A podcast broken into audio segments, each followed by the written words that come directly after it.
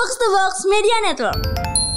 Sebenarnya kita sudah pernah bahas berkali-kali sebenarnya soal Johan Cruyff nih ya. Eh, dari mulai prestasinya, dari mulai filosofinya dan apa segala macam sudah kita bahas semua. Tapi yang belum pernah kita bahas dan mungkin banyak juga yang nggak tahu dan gue beberapa kali ngeliat ada foto yang disalah gunakan. Betul, betul sekali. Itu sebenarnya ngena banget di gue adalah ini foto ternyata Levante ya. Iya betul. Jadi ternyata ada orang yang yang mengira baju yang dipakai sama Cruyff. Cruyff ini dipakai waktu dia main di Barcelona. Ternyata itu bukan. Itu dipakai waktu dia main main untuk Levante. Nah ini adalah kita akan ceritakan di mana Johan Cruyff ini kembali dari pensiun dan bermain untuk tim divisi 2. Orang itu tuh cuma ada dua, mereka udah udah tahu mereka nggak keluar rumah. Jadi sebenarnya ya sosialisasi sosialisasinya nggak penting-penting amat. kagak ngaruh sama lingkungan asli. Kagak gitu loh. Iya kita harus memberikan makan untuk anak anak yatim dan apa segala macam gitu yang di Twitter pada nggak punya duit. Tahu sama juga.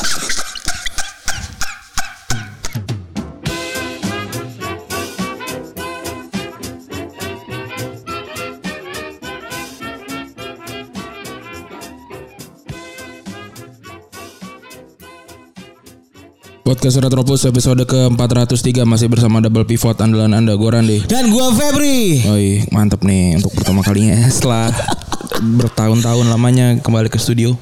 Setelah berapa lama udah? Setelah dua minggu berarti ya. Aduh, temen gue kayak anak band bro. Yoi dong gila. Gila berapa kota lu udah lima ya? Medan, Medan, Semarang, Solo. Enggak dong. Eh Medan. Surabaya, Kediri, Jogja, Medan, Solo. Lima. Anjing lu ke timur ya? Kok ke timur? Lu Surabaya Surabaya Kediri ya udah. Enggak, gue gak, gak Surabaya Kediri tapi itu kan rangkaian. Oh iya bener. Tapi gue enggak, gue cuma ke Jogja, Solo, Medan. Iya, tapi gak tewas. Gue kemarin pijet sih akhirnya semalam, tapi tetap masih sakit leher gue. Gue pijet di ini hoki refleksi di Mampang. Pokoknya yang deket aja lah. Gue udah udah capek banget kemarin. Pijit tuh ima beda-beda sih. Kadang tukang pijit begitu juga ada yang kagak bener juga, Pak.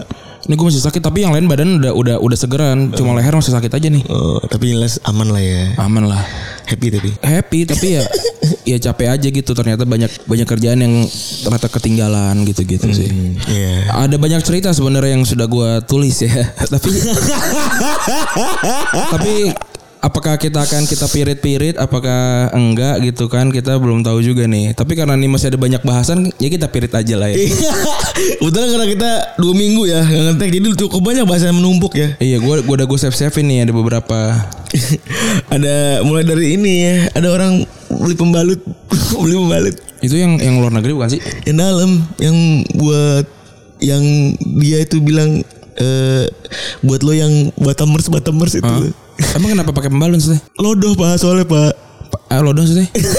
Jadi kalau habis main nih laki sama laki, Hah? oh sakit pantatnya? Padahal itu bocor pak. Oh, berdarah? Bocor keluar tai. Oh gitu ya?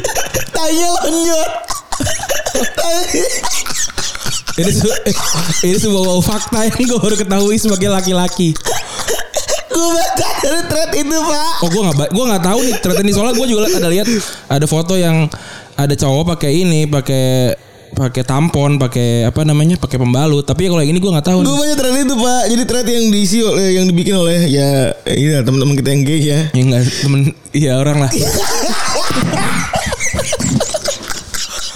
Eh gue punya temen gay juga tapi kan itu bukan temen gue maksudnya. Oh iya yang nulis Yang nulis bukan teman kita berarti bukan kan? bukan netizen lah. Ya netizen yang nulis lah ya kan? Dia gay Jadi ngasih tips buat lu semua yang eh, Berhubungan badan eh, Sama sama jenis. Ya, ini ini sekali disclaimer ya. Ini tidak bu- bukan bukan berarti kita tuh anti anti ini, anti apa?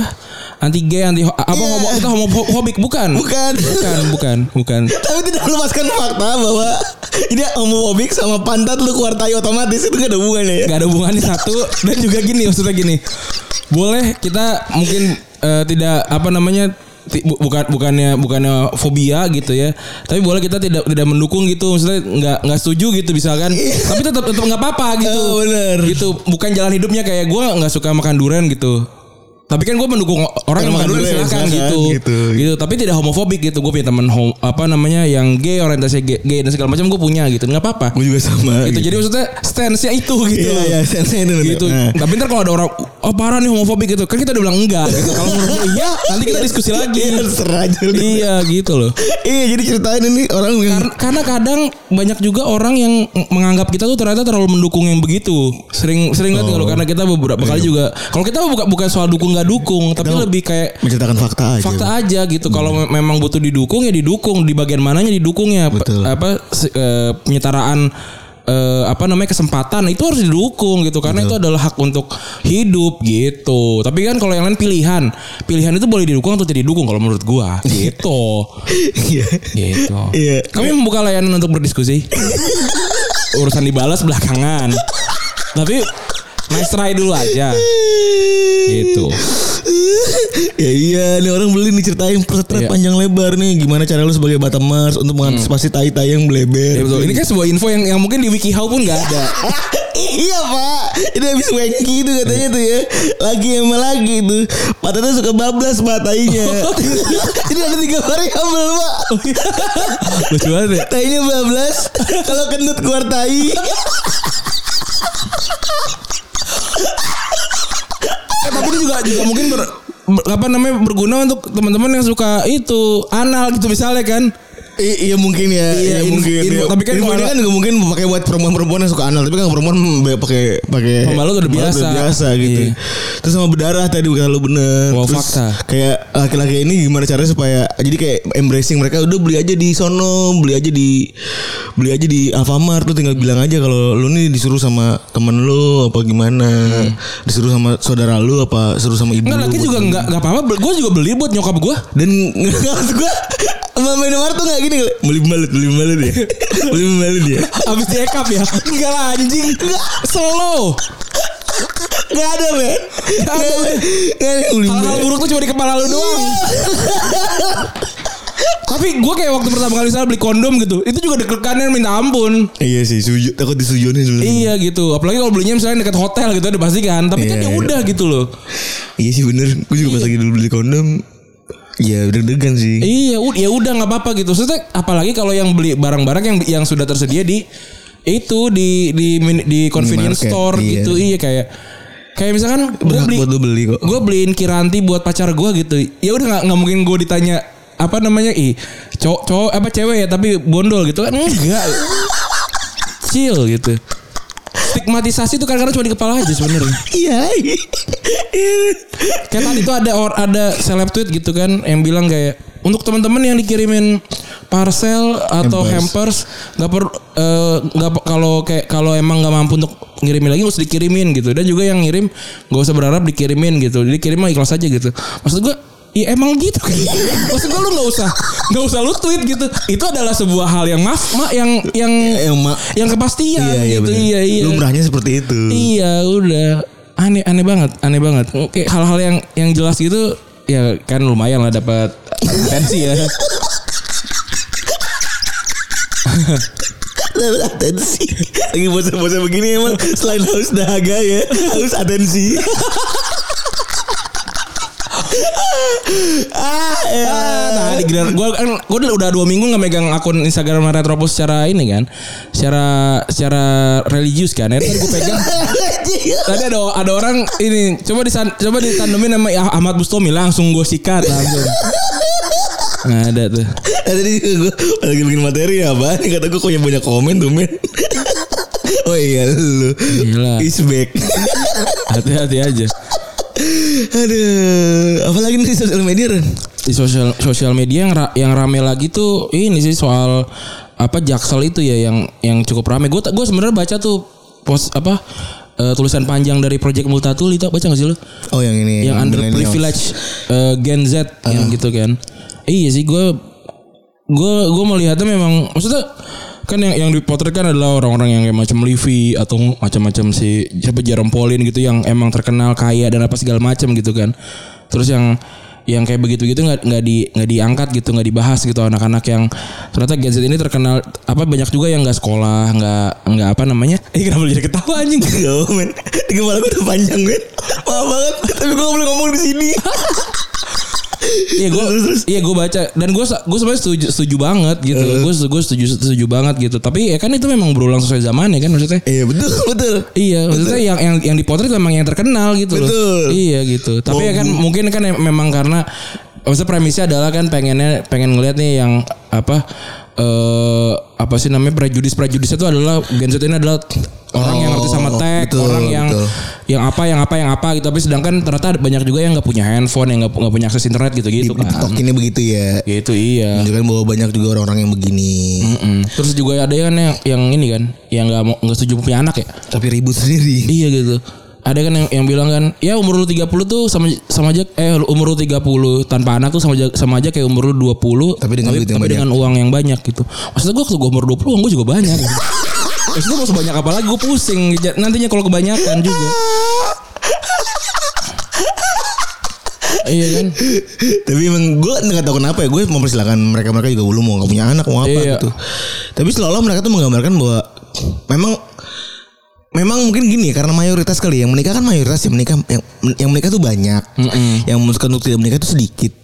Jadi mereka mereka yang tidak yang menikah itu selalu mengeluarkan unek-unek mereka, ketidakbahagiaan mereka karena kadang-kadang selalu keluar pas itu ya kan. Iya. Namanya temen lu udah kawin kan pasti ada curhatannya kan. Iya. Ada curhatannya ada aja ini segala macam menimbulkan bahwa misalnya sama dengan orang tidak orang menikah sama dengan tidak bahagia padahal kan nggak begitu juga gitu. kan. Iya. Terus ya kenapa sih nggak ya udah masing-masing aja gitu kalau emang nggak mau nikah nggak mau nikah Iya, silakan. maksudnya kenapa yang nggak punya anak ini malah malah sibuk Hmm. untuk bilang ah jangan punya anak gitu. Slow aja gitu. Kalau emang nggak punya anak nggak apa-apa. Iya bener. Iya. Dan juga yang yang yang yang punya anak ini kan yang yang sering bilang apa ya ngejudge segala macam itu tuh generasi lama, generasi yang sekarang tuh sudah sudah tidak itu enggak, gitu. udah Jadi lu diskusinya berantem tuh burukan aja gitu. Sama generasi yang udah setuju, ya lu nggak apa-apa punya anak gitu. Lu nggak apa-apa nggak punya anak udah. gitu loh. Bener.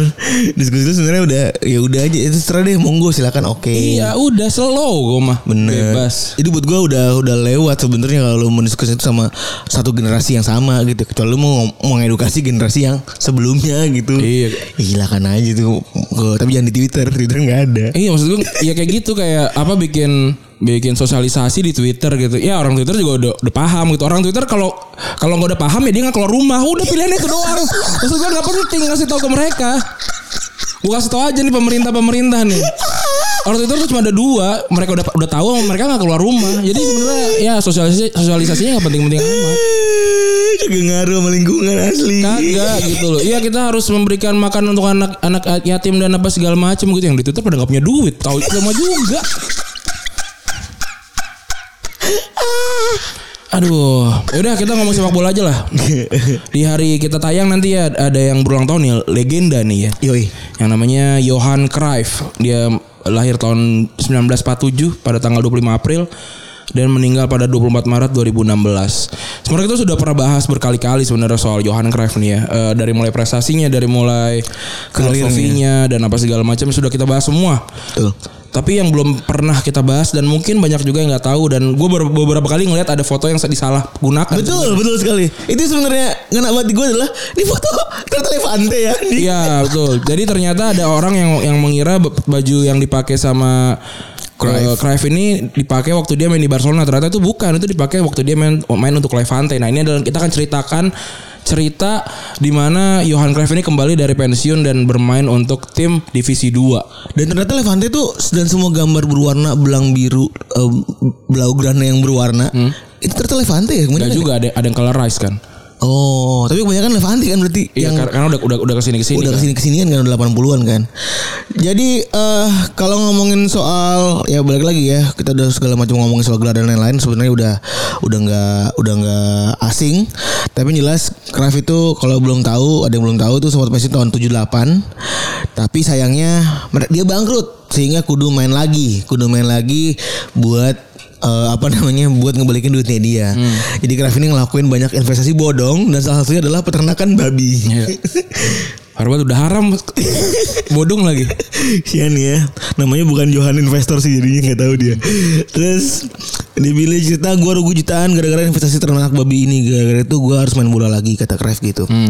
Dia lalu pertama kali main di Los Angeles Aztec ya. Dan Washington Diplomats. Dan kurang lebih masing-masing satu tahun Satu musim. Di Aztecs dia bareng sama Rinus Michels Sementara Dan dia juga jadi olahraga termahal Di Amerika Nggak gantiin Karim Abdul Jabbar waktu itu Yo iya. Wah gila parah banget ya. Saking besar namanya nih ya. Umur 31 padahal ya ngalahin pemain basket salah satu terbesar di NBA nih. Bener. Terus buat dia eh, main di Amerika bikin dia banyak memikir sesuatu yang nggak kepikirkan sebelumnya. Antara lain jadi pelatih, dapetin sponsor sebanyak banyaknya kata, wah matre nih, jualan krefe versi matre nih kata untuk ngembalikin duit.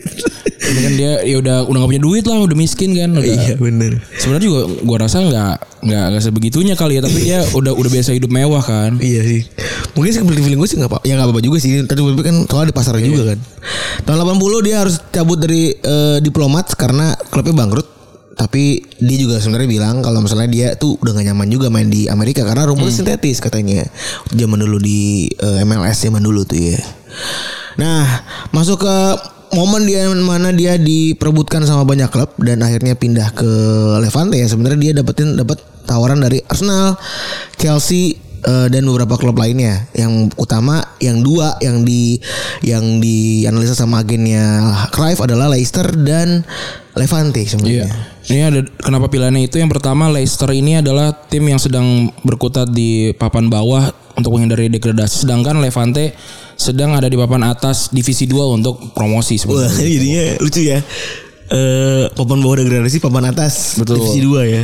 Dan pilihannya pada, pada akhirnya dia memilih untuk cari deh yang paling gaji paling gede gitu ya. Nah, ya udah akhirnya eh dipilihlah Levante karena eh, Leicester waktu itu kalah gede lah gitu. Walaupun, walaupun sebenarnya Leicester tuh udah udah ini udah udah deal-dealan lah gitu ya. Oh, Presiden waktu itu bilang dia akan bawa satu pemain yang yang bisa bikin Leicester ini bertahan gitu ya. Ini Leicester ibaratnya Lionel Messi nih sekarang nih gitu. Beli Lionel Messi itu sekarang. Iya le- kayak Burnley gitu mau beli Lionel Messi atau apa Las Palmas eh Las Palmas ada di divisi satu ya.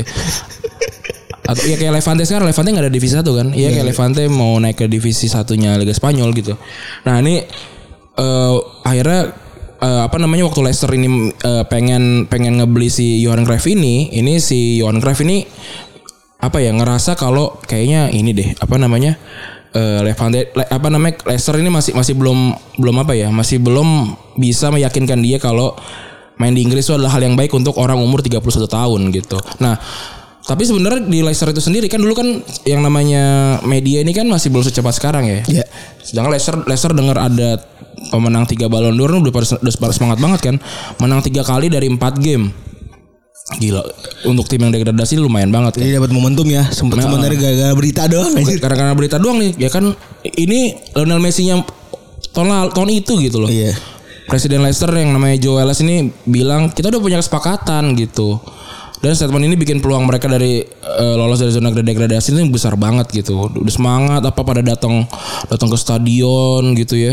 Nah, tapi di saat yang bersamaan Johan Cruyff malah mutusin pindah ke Levante eh, ke Levante nih dan di pertandingan, di saat pengumuman eh, transfernya ke Levante Leicester imbang lawan Nottingham Forest dan sisanya dari pertandingan ke, ke belakangnya cuma menang 4 kali dari 12 pertandingan dan akhirnya terjerembab di peringkat 21 Dan ada degradasi ya. akhirnya degradasi akhirnya ini ada yang bilang juga ini adalah salah satu pemain yang bikin degradasi Dua tim. tim tanpa pernah main di sana ini adalah Johan Cruyff nah Gila keren banget ya. Iya. bener. itu keren banget yang ngasih judul ya Iya. Walaupun eh Johan Cruyff ini main di Liga 2 ya, tapi eh apa walaupun Levante main di Liga 2 tapi presidennya Levante namanya Francisco Anzar nih visinya luar biasa gitu ya. Misinya juga luar biasa untuk bikin tim ini naik ke divisi 1 gitu dan ya kayak tim yang satu tim di kotanya itu luar biasa bagus eh, Valencia gitu ya Levante ini kan udah bajunya KW Barcelona Karena nama kandangnya Ciutat tuh Valencia. Iya, nama nama apa nama nama nama timnya juga bukan pakai nama kota gitu kan. Ya udah. Akhirnya memilih untuk datengin Johan Cruyff untuk berharap dapetin penonton yang banyak, terus juga fans club gitu ya, prestisnya dan segala macam dapat tour gitu kan ke Amerika karena Johan Cruyff punya nama di Amerika gitu kan. Nah, karena itu berhutanglah dia dengan banyak gitu ya. Utangnya waktu itu 13 juta pesetas 78 ribu euro di saat itu gede banget nih ya kepada pemain dan belum dibayarkan jadi pemainnya juga kayak anjing ini datangin pemain luar biasa gede gue belum di- belum digaji nih gitu Dan ngeselinnya pas lagi kejadian ini si pihak eh, Federasi Spanyol tuh maju mundur nih buat ngesangsi Ran. Hmm. Karena ini karena anjing nih Johanna balik lagi gitu. Iya, Masa ini- ini gue sanksi nih. Bener. Walaupun punya utang gitu. Akhirnya memilih untuk tidak disanksi karena ya pamor-pamornya si Kraft tersebut gitu. Agak susah ya untuk untuk melarang Johan Cruyff main di mana gitu karena ini Johan Cruyff gitu ya. Betul. Dan saat gosip masih beredar, Helene Herrera eh, presiden eh, ini pelatih Barca kan Pelatih dia. Barcelona. Pelatih Barca dia bilang dalam preskon, gue taruhan celana dalam gua bal gue liatin kalau Cruyff nggak nggak akan pergi ke Levante. Iya, akhirnya dia latihan dalam ya. Ada fotonya enggak tapi? dari dari Herrera tuh terkenal justru di Inter ya. di Inter di Inter. Dan di 27 Februari Cruyff eh, ke tanah Spanyol buat eh, balik lagi ke Levante. Dan dia cerita kalau misalnya walaupun negosiasi kehambat bener aneh rasanya ngeliat gue main di Segunda tapi memang nggak semuanya tentang uang. Levante ngasih kehidupan yang lebih baik, uang yang cukup banyak dan senang bisa kembali ke bisnis ini. Emang duit aja nih bap- bapak. dan kehadiran Cruyff, Presiden Leva- Levante optimis bakal bisa promosi dan bilang bahwa ini adalah investasi terbaik yang pernah dia lakukan. Dan di pagi harinya ketika Cruyff resmi diumumkan, semua orang menghampiri Helen Herrera dan minta nunjukin celana dalamnya. Ini kalau kalau kalau orang Sunda kan iris celi aing kan. ya kan. Karena disuruh potong kuping. Tau gak case-nya? Case sama kayak Justin taruh bilang rumah jual harta gua semua. iya kan? Bener. Ya menariknya kan tadi ya kayak baju yang sangat mirip sama Barcelona gitu ya walaupun ada pohon kelapanya gitu kan di di logo eh kalau yang sekarang ya di ini ada pohon kelapanya gitu. Nih Johan Cruyff debut dan dapetin 5 kali lipat harga tiket ya apa pemasukan dari tiket walaupun cuma menang 1-0 dan Johan Cruyff bilang gue yakin bakalan lebih ngerti satu sama lain sama pemain lain gitu ya dan gue yakin kita bakalan promosi dan teman-teman gue harus dengerin rekomendasi dari gue supaya bisa promosi. Dan ini adalah awal dari masalahnya ini adalah awal dari masalahnya ya. Aduh, Johan, Johan. waktu itu Levante ini ada di peringkat ketiga di bawahnya Rayo Vallecano dan Castellon ya.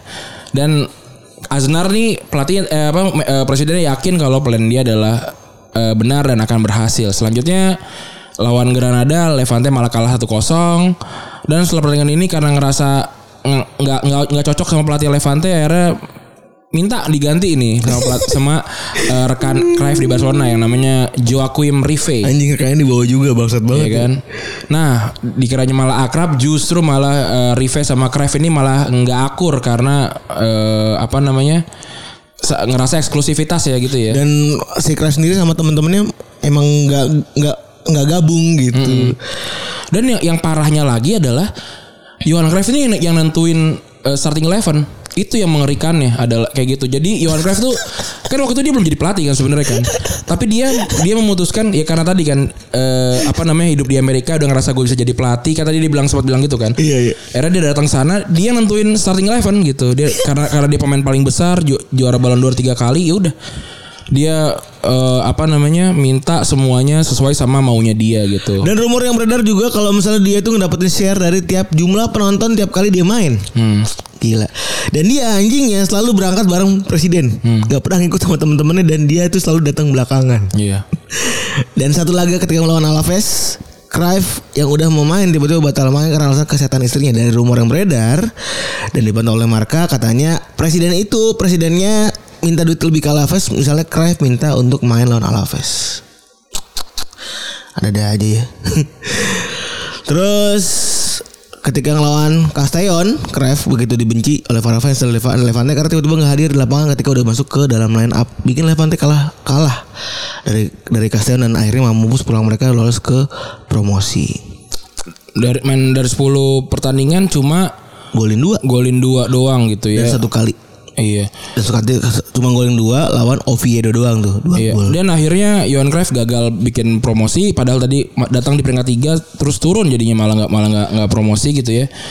Dan ya mau gimana ya akhirnya Levante malah yang tadinya pengen dapat fame dari kehadiran Johan Cruyff malah dapat bencana gitu. Presidennya dikejar utang sampai akhirnya mengundurkan diri gitu. Dan para pemain Levante lain nih sampai bikin barikade depan kantor ya supaya gaji mereka bisa dibayar gitu. Makanya sampai nginep 9 hari agar gaji mereka kayak kayak ini kayak PSMS dulu ya. Di depan kantor PSSI ya.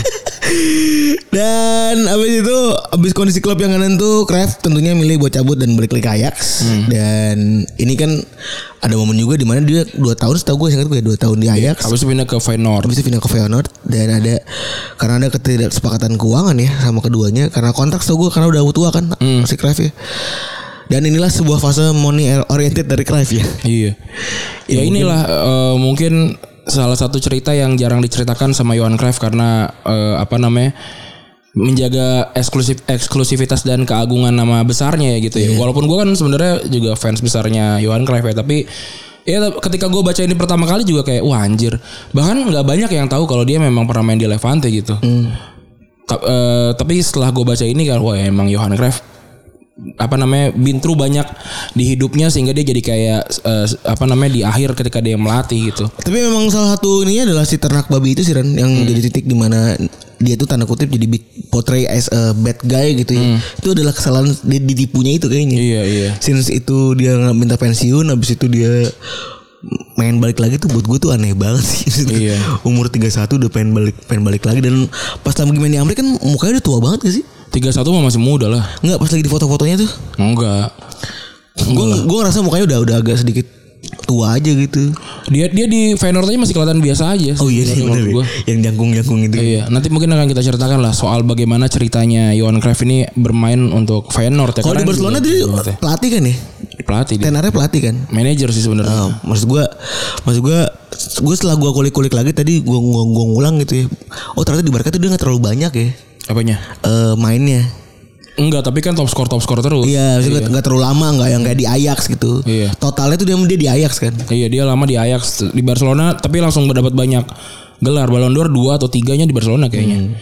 Gitu. Jadi inilah sebuah sisi lain dari Johan Cruyff yang yang menarik gitu ya. Kalau ada Tinder Swindler ini adalah ini jadinya Swindler ini ya jadinya ya kan karena babi ini ya.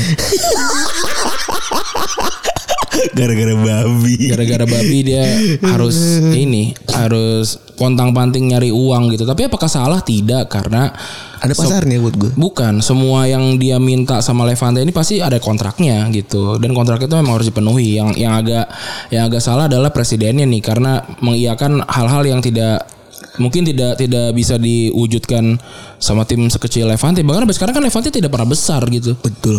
Dan anjingnya itu main belum pernah dibayar. Iya, sebel pemainnya juga kayak anjing nyaho lu kan, tim. ini kan kayak pahit tren kan. Iya. iya.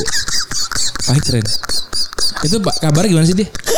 Abis kabarnya gimana sih? Enggak tahu gua. Kan Tapi seger sih dia gem- gemuk ya. eh, eh, kan abis bapaknya di ujak-ujak anaknya kan ngoceh tuh. Katanya dapat satu triliun. Empat. Eh, empat triliun. Ada yang mau beli 4 triliun. Ronaldo aja harganya 1,2 loh waktu dibeli sama Madrid. Paitren 4 triliun. 4 Ronaldo. Iya, bisa beli 4 Ronaldo loh. Ngapain beli Paitren gue? Mendingan beli Ronaldo gue. Kalau beli rokok nyuruh Ronaldo. Ronaldo dah. Eh kan aneh juga. Lagi kalau kalau duit lu, eh, lu punya 4 triliun lu mau beli Paitren mau beli Neymar? Gue sih beli Neymar gue. Aduh. Aduh, udah gitu kali ya untuk episode kali ini ya. Yo. Terima kasih teman-teman yang sudah mendengarkan. Gue Randy cabut. Gue Febri cabut. Bye.